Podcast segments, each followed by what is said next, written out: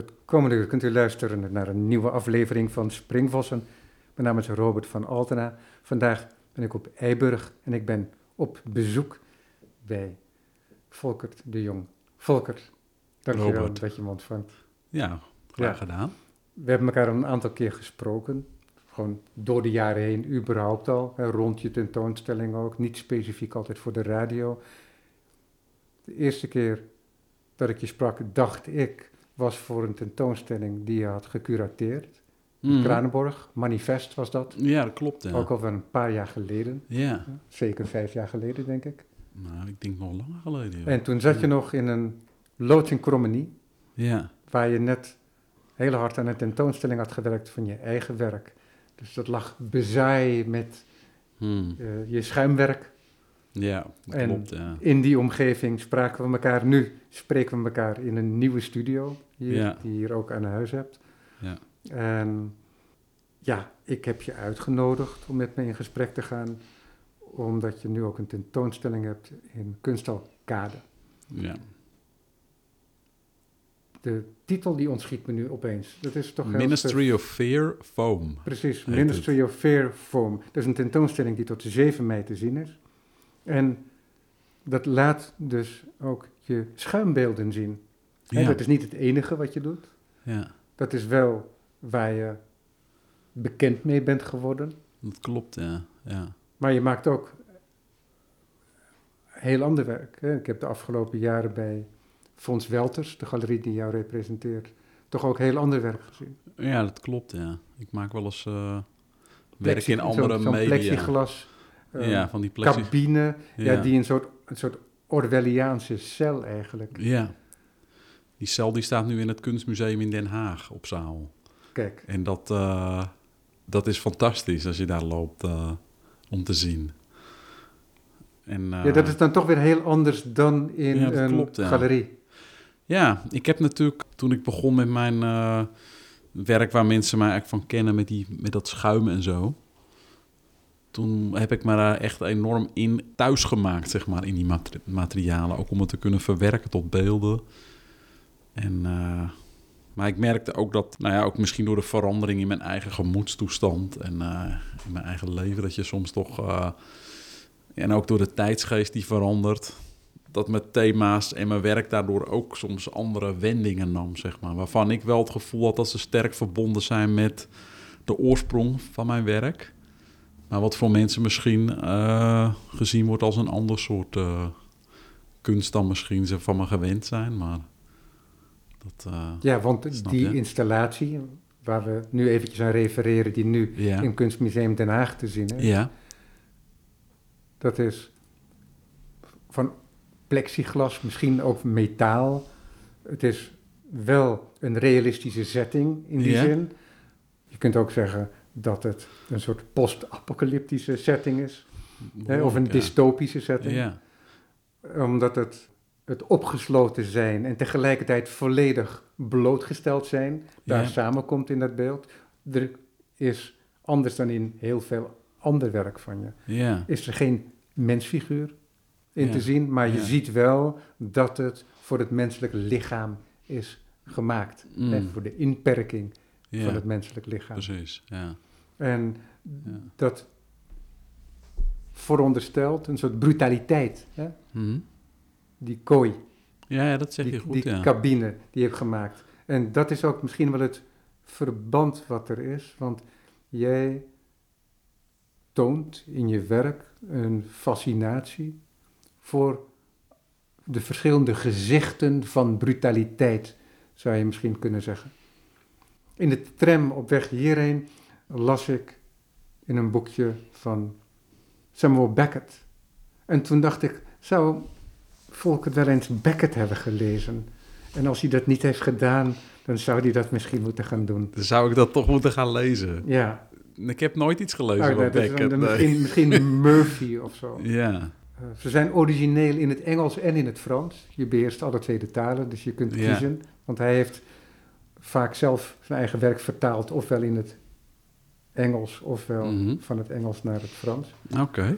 Dus, eh, maar dat Ja. is, kan, want dat element van de, van de menselijke conditie Ja. eh, met de brutale kanten uitvergroot. Ja. Die komen samen in het werk van Beckett. En ik noem dat ook, want als je binnenkomt in je tentoonstelling in Kunstalkade, hè, Mhm. we gaan het er echt over hebben natuurlijk, maar daarin heb je een inleidingstekst. En in die inleidingstekst refereer je ook aan het purgatorium.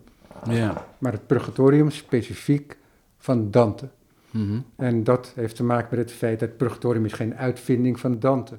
Hè, dat is een middeleeuwse uitvinding Precies. Ja, ja. om een soort overgangsgebied te creëren, waardoor de kerk kon marchanderen op een bepaalde manier, denk ik ook. Hè?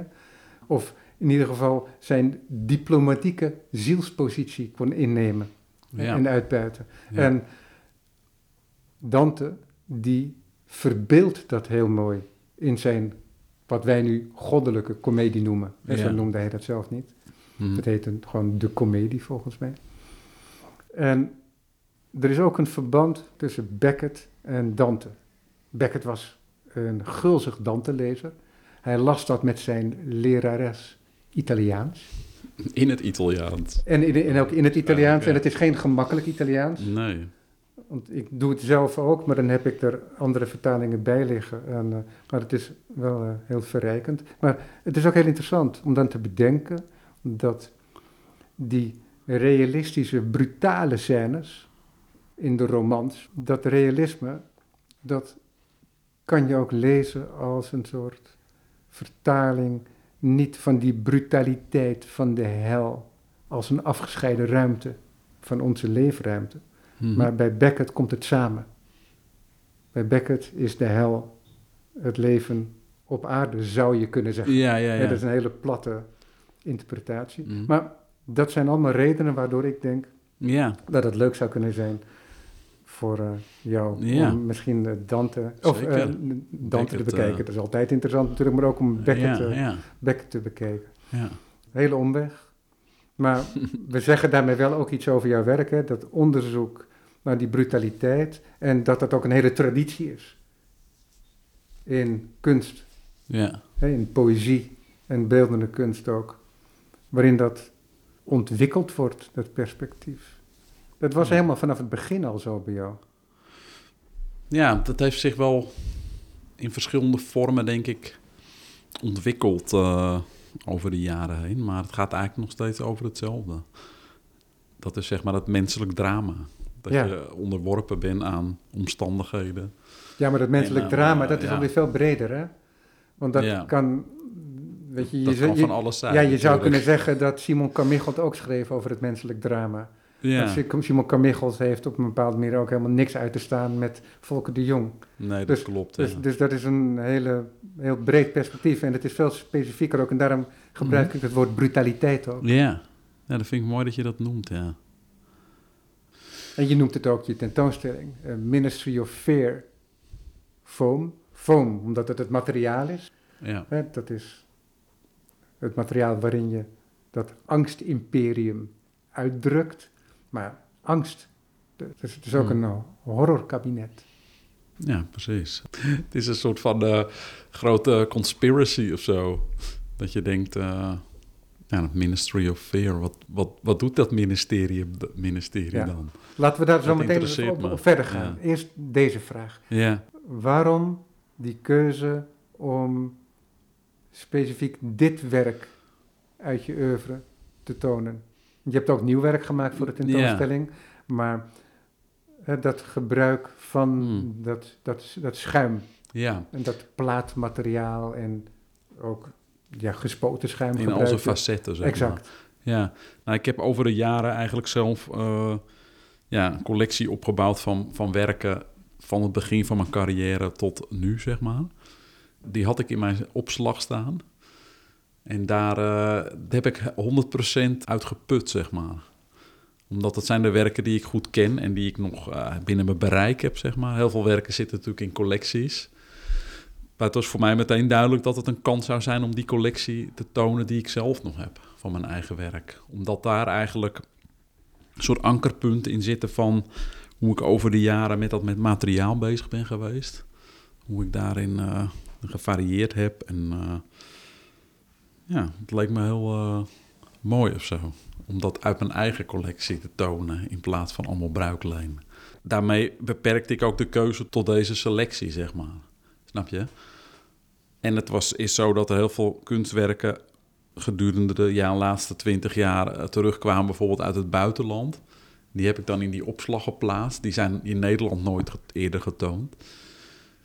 En terwijl ik dus in die, in die opslag daar eh, aan het werk ben, dan kom ik soms wel eens kisten tegen die al tien jaar niet meer open geweest zijn. En dan eh, ja, dacht ik, dat is fantastisch om dat juist te tonen. Werken die mensen nog nooit eerder gezien hebben hier. Voor het publiek, maar ook voor jezelf wellicht om het bij elkaar te zien. Ja, dat klopt, ja. Om een soort, ook toch jezelf te confronteren of er consistentie is in dat werk. Ik vond dat best wel moeilijk, moet ik eerlijk zeggen. Omdat, eh, ja, iedere werk roept bij mij heel veel verhalen op. En ja, gevoelens van in de periodes dat ik die werken maakte. Die niet specifiek gerelateerd zijn aan het beeld zelf, Ja, precies. maar die wel in je geheugen Ja, zich verankerd hebben.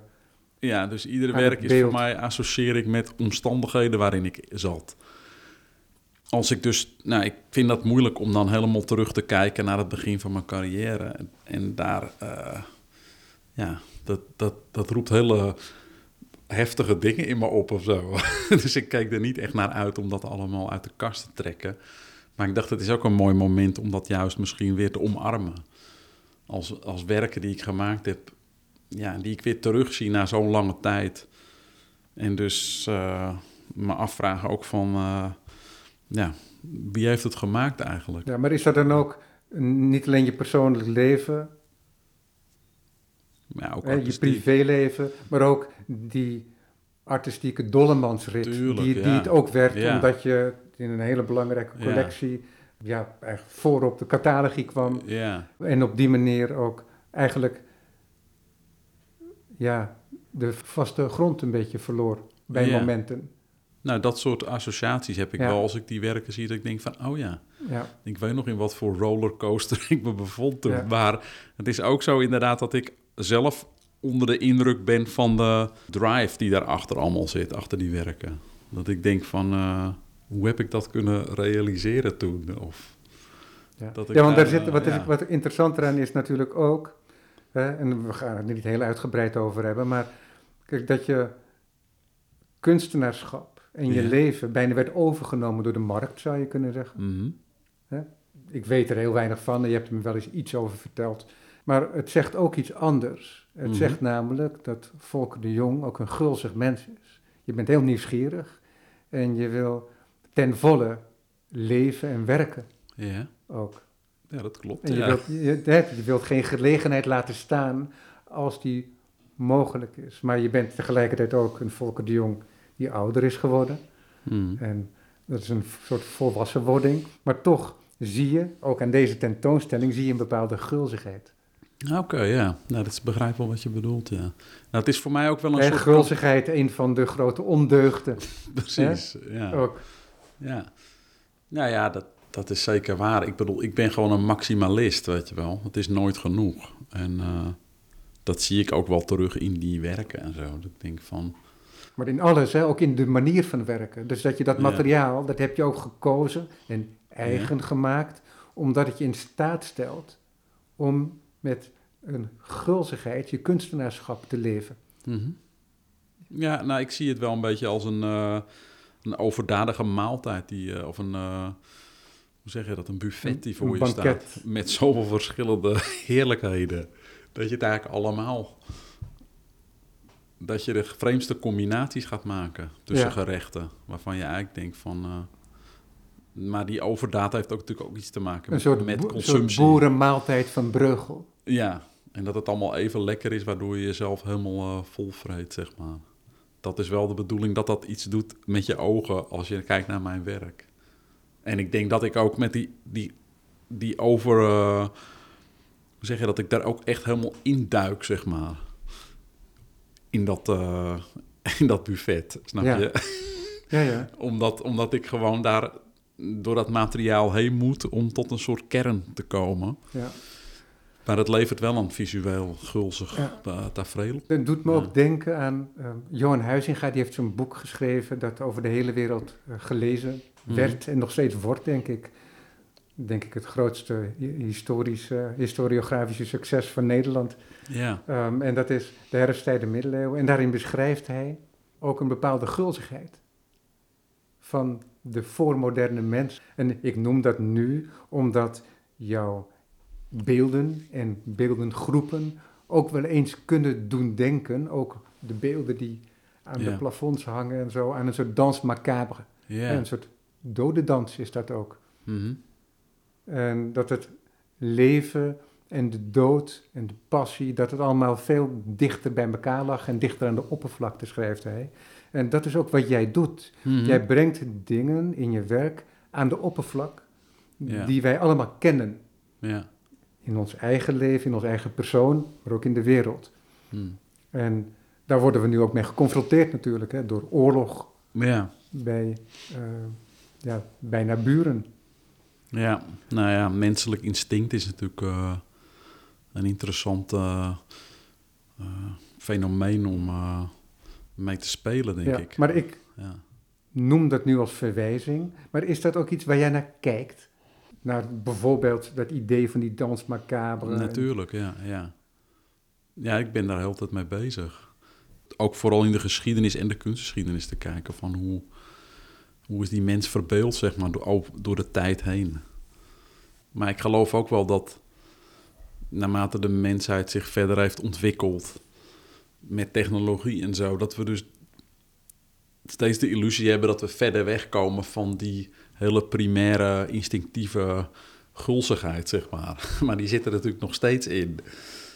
Snap je? En die Daarom denk die ik van- uitzicht wellicht op een andere manier dan. Ja. Ja, maar door dus die materialen en die thematieken daar een soort assemblages van te maken, probeer ik dat, ja, het soort van oerinstinct weer op te roepen in mensen. Dat je dus, eh, ja, denkt van, ik kan me niet meer inhouden. ik moet aanvallen Ja. om het op te nemen. Ja. ja, want er zit ook Eh, een enorme... Ook al ken ik het verhaal niet achter Mhm. de beelden... er zit toch altijd een enorme directheid in. Ja. Nou ja, ik, ik, ik streef er altijd naar dat je dus als bezoeker, als het ware, een soort getuige bent of deelnemer aan een gebeurtenis. Waardoor die eh, figuren, ja, die moeten actief zijn, zeg maar. Om dus die interactie met dat publiek aan te gaan. Dus dat probeer ik heel erg daar in die beelden te stoppen. Dat het, eh, ja, hoewel het natuurlijk stilstaande beelden zijn, in je hoofd als het ware helemaal tot actie overgaat. Snap je? Ja. Dus ik probeer dat de hele tijd te activeren. die maar hoe doe je dat dan? Eh, nou, gewoon door, door de keuze van dit soort materialen en die figuren in een dusdanige houding te zetten dat je denkt van, hij zit er nog middenin. Maar, maar, maar, maar eh, ook mm, formalistisch gezien... dat je laat zien hoe het gemaakt is bijna. Ja, Ehm, misschien is dat ook wel onderdeel daarvan, ja. Dat is de transformatie van Exact. ruw materiaal naar kunst toe, zeg maar. Ja. Dat ik dat graag toon. Maar dat daarmee, ja, dat wordt een instrument ook. Ja, precies, om, ja. om die levendigheid te tonen. ja, omdat mensen dat gaan lezen als zodanig, Ja. die transformatie. Ja. Een transformatie van een figuur naar iets anders toe, of materiaal in een, naar een andere vorm toe. En ook de ruwheid ervan. Ja, want het is een ra- vrij rauw materiaal. Het. Op een foto kan het er een beetje zacht, snoepjesachtig uitzien door de kleuren. ja, Maar als je erbij staat, dan... Ik krijg de rillingen lopen me altijd over de rug als ik denk dat ik daarin zou moeten snijden. Ja, Met al het gepiep wat het zou kunnen veroorzaken. En, snap je? Dus het heeft ook een bepaalde rauwheid en een soort dwarsheid die niet per definitie hele positieve associaties oproept. Maar Veer, is dat die brutaliteit waar je het over hebt? ja, ook. Ja, Dat zit ook daarin, denk ik. In materiaalkeuze en Ja. in het formalistische aspect Ja. van je werk komt dat idee van die directheid en wat je zegt ook, dat de transformatie nog zichtbaar is, ja. ook wel tot uiting inderdaad. Ja, maar het werkt behoorlijk goed, moet ik zeggen. Want ik heb altijd wel nagedacht over van hoe... eh, nou, als je als kunstenaar, wat, wat is je doel dan hè, met zo'n soort... eh, wat wil je daar nou mee bereiken? Snap je? Dat vraag ik me af als we daar zo over praten. Mhm. Dat ik denk van blijkbaar, ja, dat zijn toch een heleboel handelingen en keuzes die je maakt. Althans, ik maak om tot zoiets te komen. En dan is de vraag van waarom dan of zo. Ja. Maar als ik daar rondloop en bezoekers spreek, dan denk ik wel van het komt goed binnen bij mensen. en dan denk ik van, dus de uit de reacties van het publiek neem ik waar dat mijn eh boodschap overkomt of zo. Maar hoewel ik niet didactisch wil zijn of moralistisch, merk ik dat mensen dat een soort, ja, net zoals wat je zegt, die dans macabre. Het is natuurlijk omdat het een afbeelding is van de dood die, die ronddanst en de, de levende eigenlijk verleidt om mee te gaan hè, in de dode wereld. Om, zo, zolang het, het een afbeelding is of kunst, is het altijd een veilige, eh, eh, hoe zeg je dat, eh, wereld of zo die ik schaap, snap je? Omdat het niet echt is. Maar is het wel iets waar mensen mee ingezogen willen worden? Omdat je iets wil meemaken van, ja, iets wat niet in de realiteit te zien is, maar er wel degelijk aanwezig is in de onderstroom, zeg maar, snap je? Dat zijn toch de, de, de processen tussen mensen onderling. Eh, die, ja, het duwen en het trekken van, van, eh, eh, van mensen met elkaar. mensen die, die verschillende status hebben. hoe iedereen zich gedraagt, zeg maar. Dat, Ja. lijkt, dat lijkt een soort van afgesproken choreografie te zijn. Maar ik denk dat tussendoor is eigenlijk de mens eh, onderhevig aan, aan iets wat misschien helemaal niet zo eh, romantisch is of zo. Of, eh, maar gewoon heel ja, grof en ongenuanceerd en hebberig en egoïstisch is. Snap je? En. Misschien is het dan ook een verzachtende omstandigheden als je naar zo'n tentoonstelling gaat, dat je denkt van, "Phew, ik heb iets meegemaakt, maar ik ben weer terug in de echte wereld. maar de vraag is natuurlijk van, Maar is dat kun je met kunst dan iemands blik op die echte wereld veranderen? Ja, maar is Ja, het, dat- voor, is het voor jou dan ook, doordat je het maakt, een manier om er controle over te krijgen? Want ik, als, als voorbeeld, ik heb wel eens vaker Ja. gezegd dat ik als kind graag tekende. ja. En ik kwam een keertje bij een vriendje vandaan en ik had net Dracula gezien. Ja, Christopher Lee speelde dat. Zoek maar op.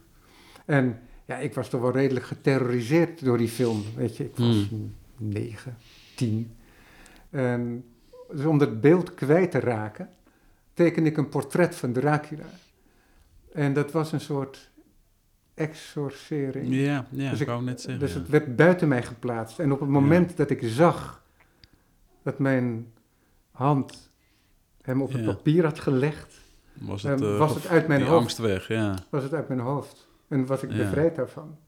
Ja, dus dat is iets heel primairs, iets heel primitiefs, zou je kunnen zeggen. Maar is dat ook een onderdeel? Natuurlijk. Ik denk dat het wel jouzelf. manier voor mij is om het te bezweren of zo.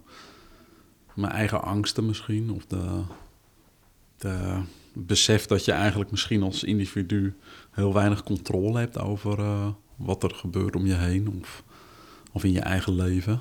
Ja. Snap je? Maar er zit ook tegelijkertijd een soort sardonisch plezier. Hmm. Je hebt er ook plezier in om het op te roepen. Ja, ik, Denk ik, ik. ja ik, ik vind het grappig dat je begint over eh, Dracula. En ik denk ook bijvoorbeeld aan eh, het verhaal van Frankenstein.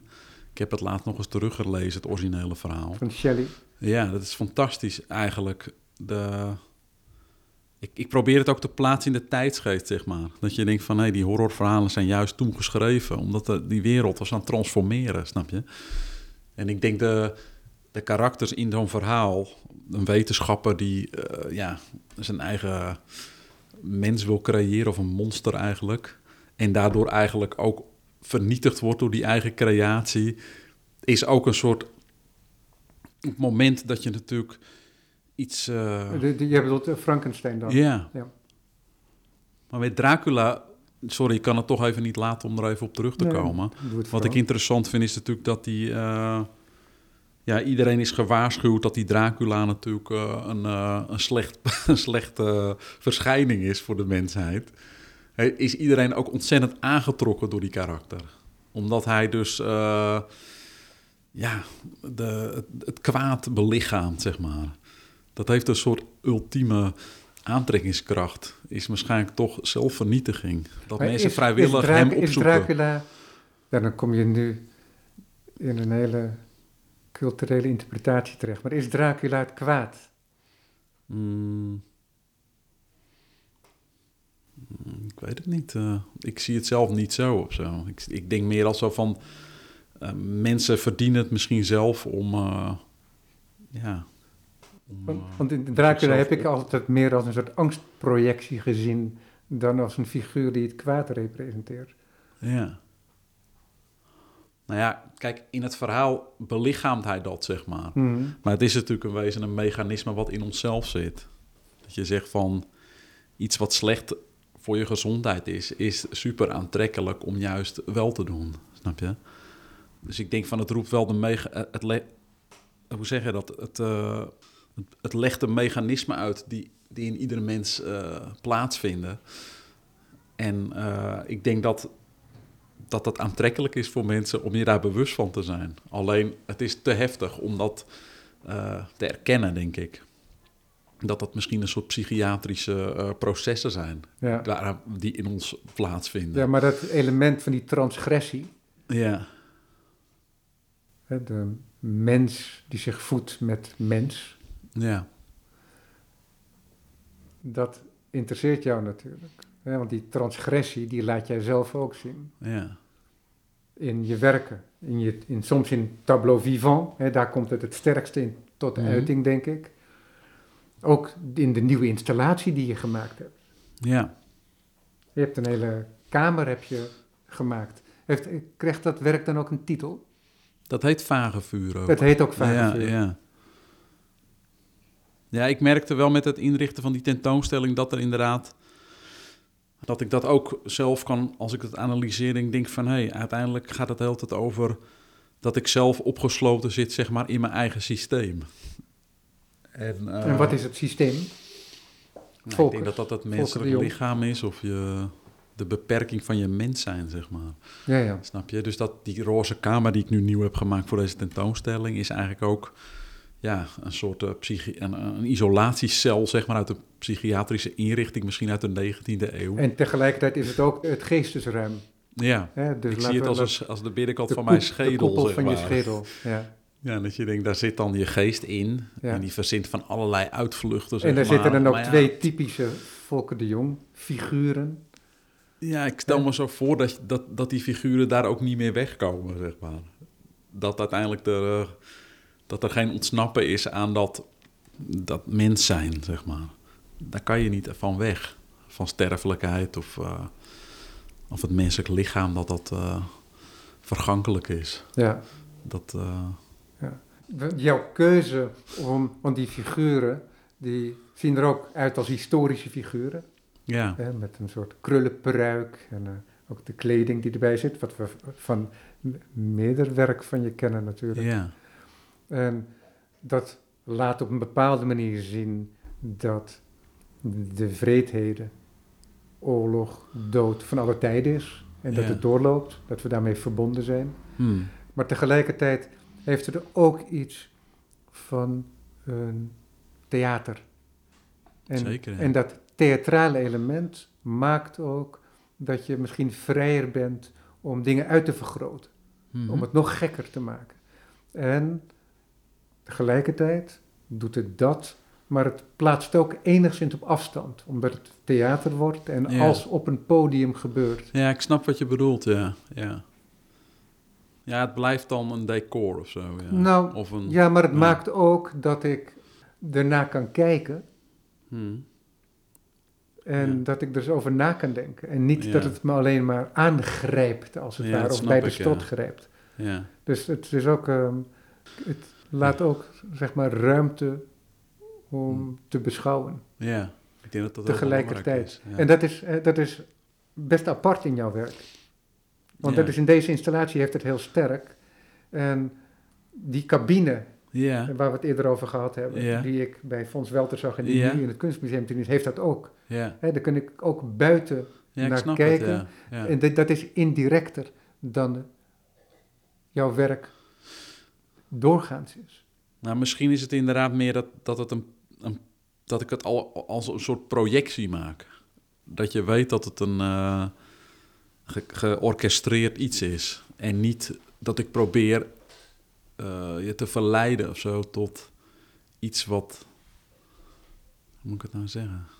Ik vind het belangrijk dat mensen doorzien dat het een, een decor is. Ja, nee, dat dat dat- nep is, zeg maar. Nee, maar dat is, dat is heel Ja. duidelijk. Dat is heel duidelijk. Maar ook omdat de figuren in het decor geplaatst zijn, Ja, zijn ze iets minder direct.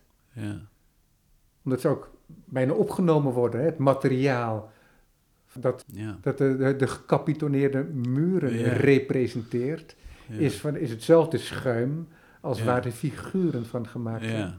En die figuren die zouden veel vreder overkomen eh, zonder die ruimtes. Dus het is een, dat is voor mij althans iets nieuws in jouw werk, dat je ook die eh, afstand creëert. Mhm. Dus ik plaats dit in de relatie tot die, Ja.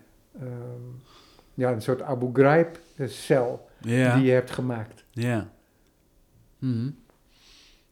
Ja. Nou, eh, laat ik het zo zeggen. Op het moment dat ik de tentoonstelling ging vormgeven... samen met Robert Roos, de directeur... en het idee van die steiger, eh, waar je overheen moet... dacht ik van, daarmee dwing je de bezoeker natuurlijk al... in een bepaalde route naar binnen te komen. Ja, ja want dat heb ik, nog, heb ik natuurlijk niet heb ik weggelaten. Ja. En dat is deel van het werk eigenlijk. Hè, is Ja. dat je inderdaad door zo'n ruwe Ja, eh stijgersconstructie opstijgt naar dat purgatorium. Dat daar, dat daar in die ruimte hangt, als het ware. Ja, maar tegelijkertijd zie je aan de buitenkant van Ja. die constructie ook dat het een soort van theat theatraliteit heeft. Ja, maar dat is wel deel van het werk eigenlijk ook. Ja, maar dat vind ik mooi. Dat het een soort van. eh, ik denk dat het daarmee misschien beter ook binnenkomt. Of dat mensen ja, meer daarmee kunnen, denk ik, dan wanneer ik probeer echt iets. eh, horror, een horrorfilm na te doen. Ja, ja nou, het heeft wel iets van die gekke ruimtes in, hoe heet het ook alweer, ehm, in die televisieserie van David, eh, David Lynch. Van, eh, Twin Peaks. Ja, Weet je, de Red Lodge en zo. Ja, eh, dat vind ik helemaal te gek, man. ja. Maar ik vind het ook interessant daarbij dat er niet, soms niet uitgelegd wordt wat, wat bepaalde karakters doen in dat verhaal of zo. Je? Ja. Dat Ja. vind ik goed, want ik denk dat... ik ben heel erg bezig ook met hoe, nou ja, hoe cinema dan werkt, zeg maar, met hetzelfde doel. Of, of met middelen. ja, dat kan me Waardoor je, dat ik daar altijd over nadenk. Dat ik denk van oké, dan zit je, eh, het publiek zit in zo'n cinema in zijn stoel twee uur. En dan kan je als regisseur natuurlijk iets teweeg brengen in, in die, eh, in die bi- bioscoopbezoeker. Maar ik dacht van wat is nou uiteindelijk, uiteindelijk eh, het doel daarvan? Hoe kun je... Hoe kun je dat overstijgen of zo? Het moment van entertainment of van het beleven. Ik denk dat als er meer relativering in zit, of ja, wat ik zelf een interessant voorbeeld vind, bijvoorbeeld bij The Exorcist, die film, daar zie je zo'n meisje die is bezeten van de duivel en dat bed gaat op een gegeven moment op en neer helemaal, zeg maar. Hè? Zij stijgt op. Ja, en ze kruipt ook ondersteboven eh, door zo'n scène heen. En dan op een gegeven moment kijk je dan zo'n film. Vaak zit er dan nog een DVD bij waarbij ze uitleggen dan hoe ze dat er gedaan hebben. Dat is heel Oh, vaak zo met dat soort gezien. klassiekers. Dan zeggen ze dan van de making of. of zo. Dan hoor je die stemmen van die regisseur eroverheen. En dan vertellen ze van ja, vijf man stond dan eh, aan een balk te, te duwen en te trekken om dat bed dus. eh, en ik dacht dat van voor mij is het pas compleet als ik dat weet. weet hoe dat gedaan is. Ja. En hoeveel eh, huishoudelijke middelen ingezet zijn om jou voor de gek te houden. Waarschijnlijk is dat net anders dan wat ik wil. Ik ben er niet op gericht om mensen angst aan te jagen of zo. Ik- Maar het is wel nog een dun, een Nee, moeilijk maakt gebied, zeg maar, om, nee. om, om Ja. voor mij ook helder te krijgen. Nee, want het is ook heel, de kleuren die, van je materiaal, het is, allemaal heel, het is ook heel vriendelijk tegelijkertijd. Maar Ja, toch is het zo dat als ik naar die optocht kijk, ja, die, als je dan de trap oploopt Mhm. en dan rechts, ja, dan heb je een optocht van mensen, figuren moet ik zeggen, want of het mensen zijn. dat weten we maar niet. het zijn mensachtige figuren eh, met allerlei protheses en extensies en ja, Eh, maar in het ongereden. Hè, want niks past, als het ware. Alles is eh, scheef of te lang en te kort, en, of aangedaan of ontbreekt. Ja, En hè, dat is ja, typisch dat idee van ook een soort dodendans die daar Mhm. plaatsvindt. Maar in helder blauw ja. van dat ja, materiaal. Ja, ja, ja. Dus, dus het, ook, het komt er ook los van, omdat het een bepaalde lichtheid heeft. Dus het is geen horrorshow inderdaad. Nee, ik probeer dat wel te overstijgen, zeg maar. Doordat je de, het recept of de formule eigenlijk door kan doorzien, kun je er misschien een beetje meer bovenuit stijgen. Ja, ik zei net, ik Ja. ken de verhalen niet achter de beelden. Heb jij per beeld een verhaal, een soort scenario Ja. voor jezelf? Ja. Schrijf je dat op of is dat in je hoofd? Nou, ik begin wel met een bepaalde idee van een, eh, ja, een, een thema of een verhaal. En dat ontwikkelt zich dan tijdens het, in het maakproces. En is dat iets in je hoofd of iets wat je in de wereld bent tegengekomen? Dat, dat is vaak wel iets wat ik tegenkom, zeg maar. En dat neem ik dan als uitgangspunt voor het verhaal wat ik zelf ga maken in mijn hoofd en in mijn atelier. Dan is de vraag natuurlijk uiteindelijk in zo'n tentoonstelling. Ja, soms staat er wel een verhaaltje op de muur bij, maar vaak ook niet. En dan denk ik van hoe belangrijk is het dan nog dat mensen de oorsprong weten van dat, dat verhaal of zo. Ik, ik vind het spannender dat ik denk van, eh, ik heb alle ingrediënten erin gestopt die voor mij eh, gaan over dat thema of Ja. de oorsprong van mijn werk. En ik merk dat mensen dan zelf gaan kijken en lezen aan de hand van wat ze zien. En dat er dan dus een verhaal op gang komt in het publiek Ja, waar ik het over wil hebben. Dat vind ik altijd wel, eh, dat, dat werkt of zo. Ja. ja. Ik heb de catalogus niet gezien, dus ik weet niet of het in de, in de catalogus wel gebeurt, maar in de tentoonstelling wordt er niet over specifieke werken gesproken. Je bent heel Nee. genereus in hoe je over je werk spreekt in de zaalteksten. Ja, En ook in je, over je manier van werken spreek je bijvoorbeeld. En dat wel, maar de beelden worden nergens uitgelegd en hebben dat denk Hmm. ik ook niet nodig. Hmm. Ja, dat is echt een keuze geweest. Want er waren wel inderdaad mensen die het museum dan supposed zijn... die aan mij vroegen van waar gaat dat dan over en zo. Ja. Ja, vaak denk ik... Deel van je dat dan? Specifiek? Ja, dan vertel ik er nog wel eens iets extra's over. Maar vaak maken ze er zelf een heel verhaal van. Waarvan ik denk van, Prima. ja, ga je gang. Ja. Omdat het vaak toch in de richting is waar ik het heen wil hebben. Snap je? Het gaat niet ineens over iets waar het helemaal niet over gaat. Maar het is ook eigenlijk een poging om mensen te doen beseffen eh, hoe, het, hoe die werken zijn ontstaan of zo. Ik denk van, je kan natuurlijk je verliezen in de, eh, de achtergronden van elk werk. Maar ik heb liever dat mensen het als een soort geheel ervaren. Je, je loopt daar als het ware door een hele proeftuin heen van allemaal scènes en figuren. Wat, eh, waar zou het over gaan, denk je zelf? Ik denk dat het gaat ook over kunst maken. Hoe, hoe, kunst ontstaat. Dat was echt een keuze voor mij om, eh, ook in de publicatie die verschenen is. Om, want ik dacht, kijk, mensen hebben natuurlijk een idee van... je gaat naar zo'n kunsthal of naar een museum, daar ga je kunst kijken. Maar dat, dat is toch een soort van eh, een tra- traditionele manier van eh, ja, naar de kunst toe gaan, snap je? En ik dacht, eh, voor, een, voor mij als kunstenaar is het zo dat daar is blijkbaar, voordat die werken daar bij Kunstalkade staan, een enorm proces aan vooraf gegaan. Oh, sorry. Ehm, dat er een enorm proces aan vooraf is gegaan die je dus als kijker niet ziet.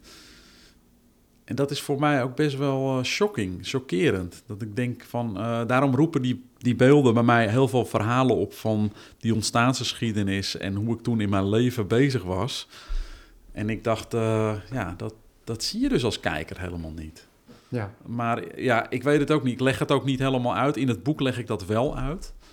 Daarbij beschrijf ik duidelijk eh, bij bepaalde werken van ja, ik zat toen in New York, ik liep op Fifth Avenue en ik zag een wolkenkrabber gemaakt van dat blauwe schuim. Dat ik dacht, ik wil mensen eigenlijk doen beseffen hoe, ja, hoe grondig eigenlijk je als kunstenaar aan het zoeken en aan het vroeten bent voordat er iets uit naar boven komt en dat destilleer je weer. En uiteindelijk hou je iets over wat maar een fragment is misschien van zo'n onderzoek. Uh, wat ik daar precies mee wil bereiken, weet ik ook niet. Maar ik wil ook dat proces van dat kunstkijken in een museum eigenlijk doorbreken. Omdat ik wil dat mensen eigenlijk als het ware deelgenoot worden van dat proces. Ja, Dus maar dat hun- doe je al toch door het soort werk dat het is, dat je hebt Ja. gemaakt. Nou, misschien heb ik, ben ik bang dat dat nog niet genoeg is. Dat Ja, ik denk dat ik met deze tentoonstelling... hoe mensen dwang, gedwongen worden om die route over die stijgerinstallatie te lopen... Ja, maar je kunt, je kunt je eigen worden- route kiezen natuurlijk. Je kunt er tegen Ja, inlopen, dat je is kunt ook tegen zo. de klok in, met de klok mee. Je, er, Ja. zijn, er zijn zo uit mijn hoofd al drie routes die je kunt gaan. Ja, maar ik had het gevoel dat misschien ook eh, een, een, eh, een metafoor is voor hoe ik zelf eh, tot kunst kom. Dat ik ook als het ware een bepaald pad moet kiezen. Net zoals die route op die steiger of zo. Ja. Waarin ik in, in, in ruimtes terechtkom waar, waar ik me continu moet afvragen van Ja. is dat... eh, wat, wat, wat, wat doet dat met me? Wat Ja. zegt het mij? Maar ik weet het niet. Ik wil ook niet... Ik wil het ook niet te dramatisch maken. Kijk, maar, eh, voor mij is het zo dat het niet per definitie toevoegt dat ik weet wat jij op Fifth Avenue deed, Ja. zag. Maar uiteindelijk, en dat weet jij als geen ander, want jij bent voortdurend bezig met mise-en-scène. ja. Dus dat, dat werkproces, zoals ik al herhaaldelijk gezegd heb in dit interview, laat het al zien. Hè? Ja. Het werk toont het maken al. Mhm. We zien de maaksporen. Ja, En wat ook zo is, is dat de manier waarop de tentoonstelling is ingericht, ook dat stijgermateriaal en dergelijke, Ja. dat laat je allemaal zien. Het is zelfs zo dat het deel wordt van het beeld. Er staat zelfs een beeld in zo'n woud van stijgerpijpen. ja, Hè, een soort Christusfiguur met basketbalballen. dat klopt. En een Ja. heel, heel gek beeld is dat. Omdat Ja. als je het frontaal ziet, dan weet je nog niet dat het een Christusfiguur is. Nee, Dan lijkt het wel een soort alien. ja, En als je er dan omheen loopt, ja. ehm, en daar kun je je helemaal toe begeven ook. Dus Ja. je kunt helemaal in, Erin in het, op, je kunt zelf het toneel betreden als het ware. Ja, dat lijkt mij nou super opwindend. En, en dus daar, daar- daarin laat je al zien dat wij tegelijkertijd als toeschouwer ook, me- Mee als mogen we, als we in de tentoonstelling Ja. staan, ook tegelijkertijd al achter de coulissen zijn. Ja, dat En is dat- echt de bedoeling. Dat is de sfeer die die tentoonstelling voor mij ademt. Ja, nou voor mij is dat eigenlijk net zoals ik... Het spookhuis Ja. na sluitingstijd. Ja, of inderdaad eh, de DVD van The Exorcist over de making of. Bijvoorbeeld.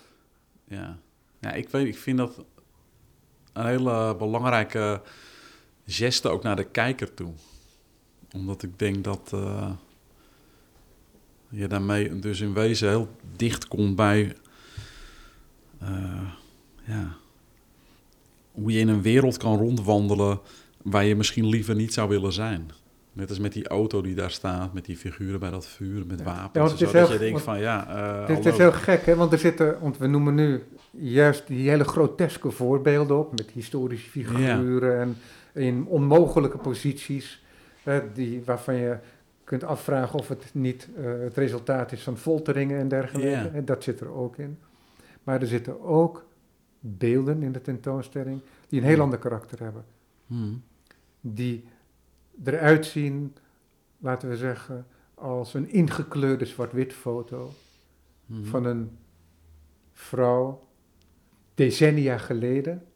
En dat ziet eruit als een onschuldige foto, maar tenzij je dan leert wie die vrouw is of waar die foto genomen is en in wat Mhm. voor tijd. Mhm.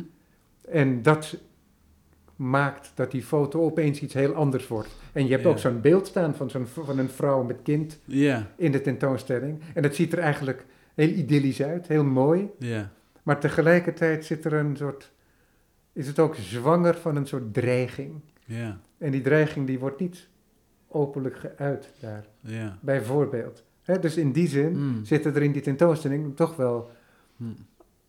nuances. Ja, dat klopt, ja. ja.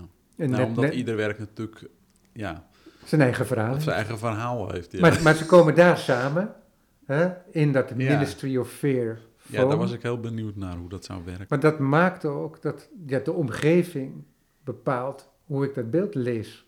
Want als ik dat, dat, laten we zeggen, in mijn woonkamer neer zou zetten, dan wordt het een heel ander beeld. Ja. En net als dat als ik, Hmm. er zit ook een beeld van Mondriaan bijvoorbeeld. Ja, Mondriaan, op sneakers overigens. Eh, precies. Mondriaan aan, aan panelen geen gebrek. Dus Ja. in, in dit geval een paneel op een stokje. En Mondriaan Ja. protesteert voor eh, de onafhankelijkheid van de vrouw. Ja, je moet eventjes de Sorry, deur ik open moet doen. even onderbreken. Tuurlijk. Wel Tim. Sorry. Nee, dat geeft niet. Je zit echt middenin volgens mij. Dit is een interview, maar dat maakt niet Zo uit. ziet het eruit. Hm. Onderbreken dat Hallo. even, dat geeft niet. Ja, een kleine onderbreking. En eh, ja, we leerden dan ook tegelijkertijd zojuist dat van het bezoek dat de verschrikking allerlei vormen aan kan nemen. In dit geval eh, kreeg ik dan net te horen dat het eh, sch- schaken onverdraaglijk is.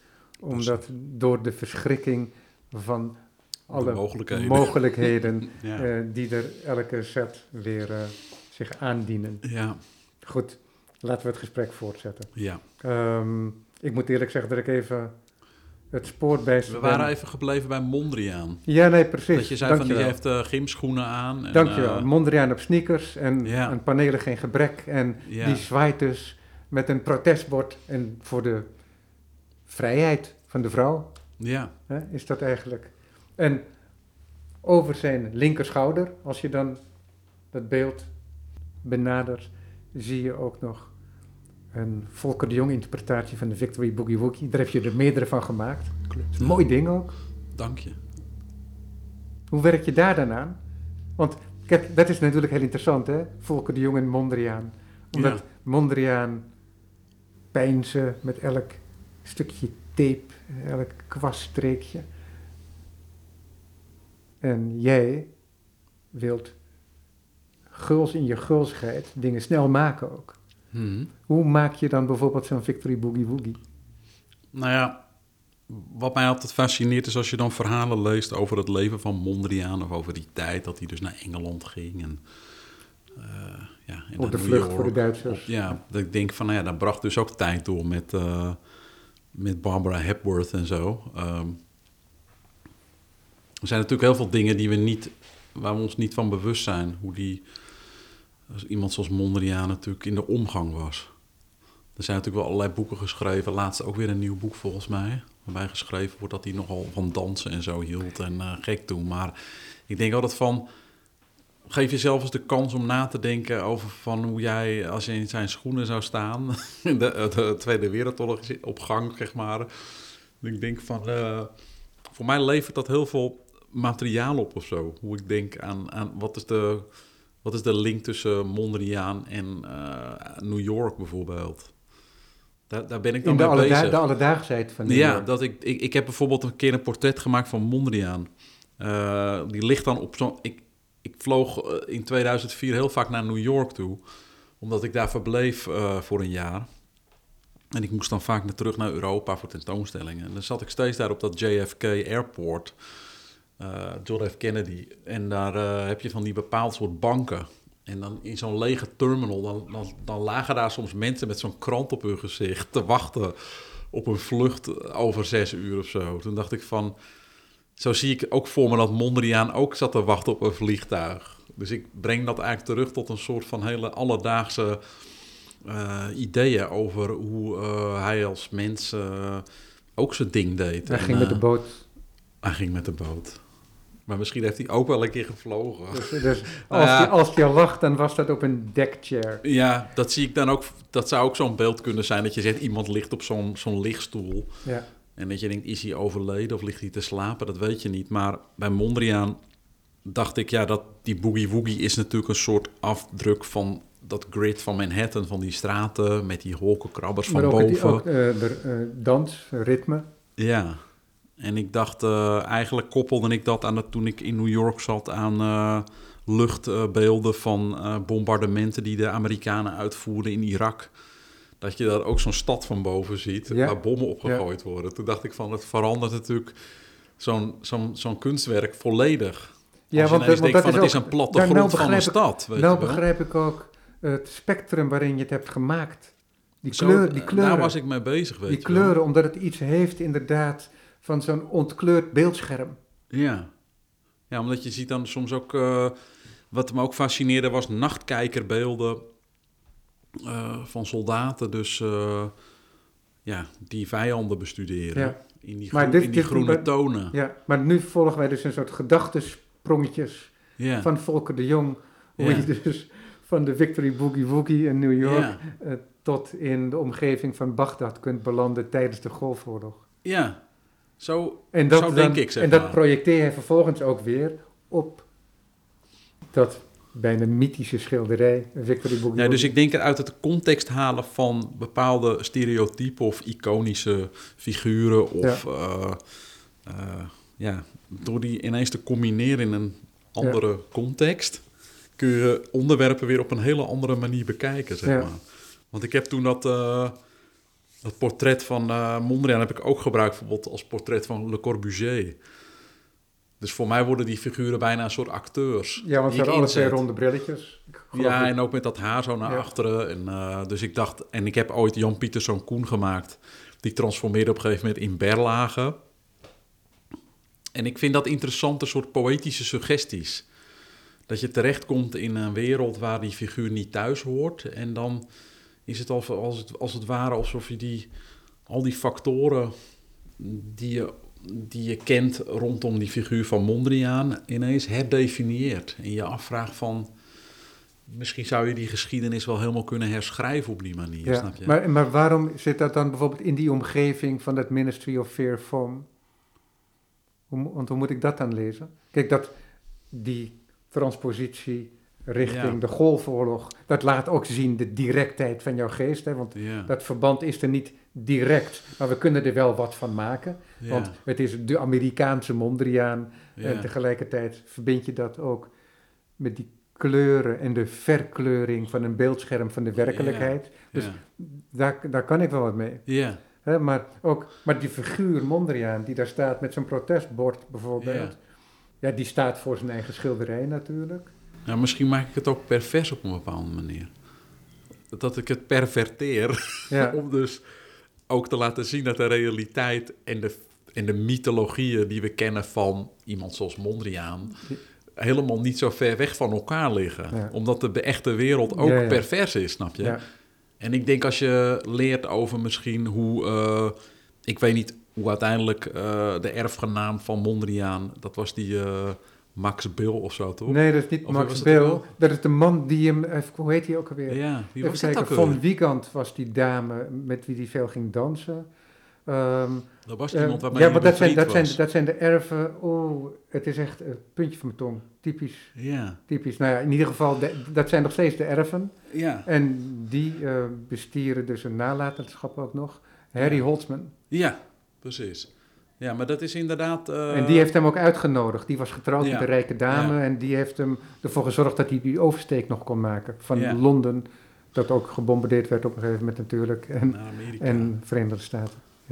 Ja, maar ik denk soms ontstaat kunst of een leven ontwikkelt zich op manieren die misschien geschiedschrijvers eh, niet zouden kunnen verzinnen of zo. Ja, ja. Snap je? Dat ik Maar, maar, dit is, maar, dit is wel interessant, want dit is veel indirecter. Want Ja, daar dat zie je niet daar in de, in de de ruimte net daarna of daarvoor, Ja. afhankelijk van de richting die je loopt, staat er ook een beeld. En dat ziet eruit als een beeld uit een stripboek van Schuitens. Ja. Ehm, veranderende steden heette dat, geloof ik. Ik weet niet of je dat nog Nee. of je dat kent. Nee. Dat de jaren negentig. Een architect, vriend van mij, die las die boeken en Oké. bekijkt het wel eens. En daar heb je één in die veranderende steden, serie of onzichtbare steden. Ik weet het niet precies. Schuitens. En dat was een grid, dat groeide. En dat groeide dwars door steden heen, overal Ah, doorheen. En dat is interessant, want jij hebt ook zo'n een, een staand grid gemaakt, een rasterwerk. Ja. En daar komen zoveel dingen in samen. Want het is het kruismotief. Want je ziet ook dat, dat uit een romp groeit als het ware. Of een romp ingroeit, net hoe je het leest. Dus je weet niet of het uit de mens komt, de mensfiguur. Of dat het de, de mens binnendringt. En dat is een raster dat er staat. Het is een hekwerk. Het is tegelijkertijd een verzameling kruisen. Mhm. En kruisen bestaan ook in die katholieke wereld in allerlei vormen. Hè? Ja. Verbonden met martelaren. Ja. En dat is, dat is dit ook. En dit is weer zo'n beeld dat dat recht in je smoel. Ja. Het is heel direct. Hè, wat ook Ja. doet denken aan een andere kunstenaar uit de galerie, eh, Tim Endhoven. Ja. hè, die ook figuren met figuren rasters Ja, maakt. ja. ja, dat interesseert me eigenlijk. Waar, waar de mens architectuur raakt, raakt of, of Ja. fysieke structuur. Ja, waar mens dus eigenlijk ook bedolven raakt en verzwolgen wordt door structuur. Die die zelf misschien En die die ontwikkeld zelf heeft. ontwikkelt inderdaad. Ja, dat vind ik fascinerend. Ja. Ik, ik, ik, had ook, eh, las ook veel die boeken van Little Nemo. Oh, dat van ken ik niet. eh, Winsor McKay heet hij. Dat ken ik niet. Ja, dat was een Amerikaanse striptekenaar. En daarbij is een jongetje die valt iedere avond in slaap. En daarbij transformeert eigenlijk zijn slaapkamer in een ja, monstrueuze wereld waarin hij dus allerlei dingen meemaakt. Maar ik denk dat in strips, eh, ja, ik las ook veel strips eh, vroeger, dat die, eh, ja, dat die, dat de realiteit en fictie eigenlijk continu met elkaar eh, bezig zijn. Ja, ik onderbrak je in gebaar, dus vandaar dat je eventjes inhield. En dat heeft te maken met het feit dat we een radiouur maken en het radiouur is ten einde. En wij zijn nog lang niet uitgesproken. Dus dat gesprek moeten we maar voortzetten. Ja, lijkt me een goed Ja. idee. Jouw tentoonstelling, Ministry of Fear Foam, is tot 7 mei te zien bij Kunsthal Kade in Amersfoort. Yes. Goed, dankjewel Volker. Graag gedaan. Dank voor het luisteren.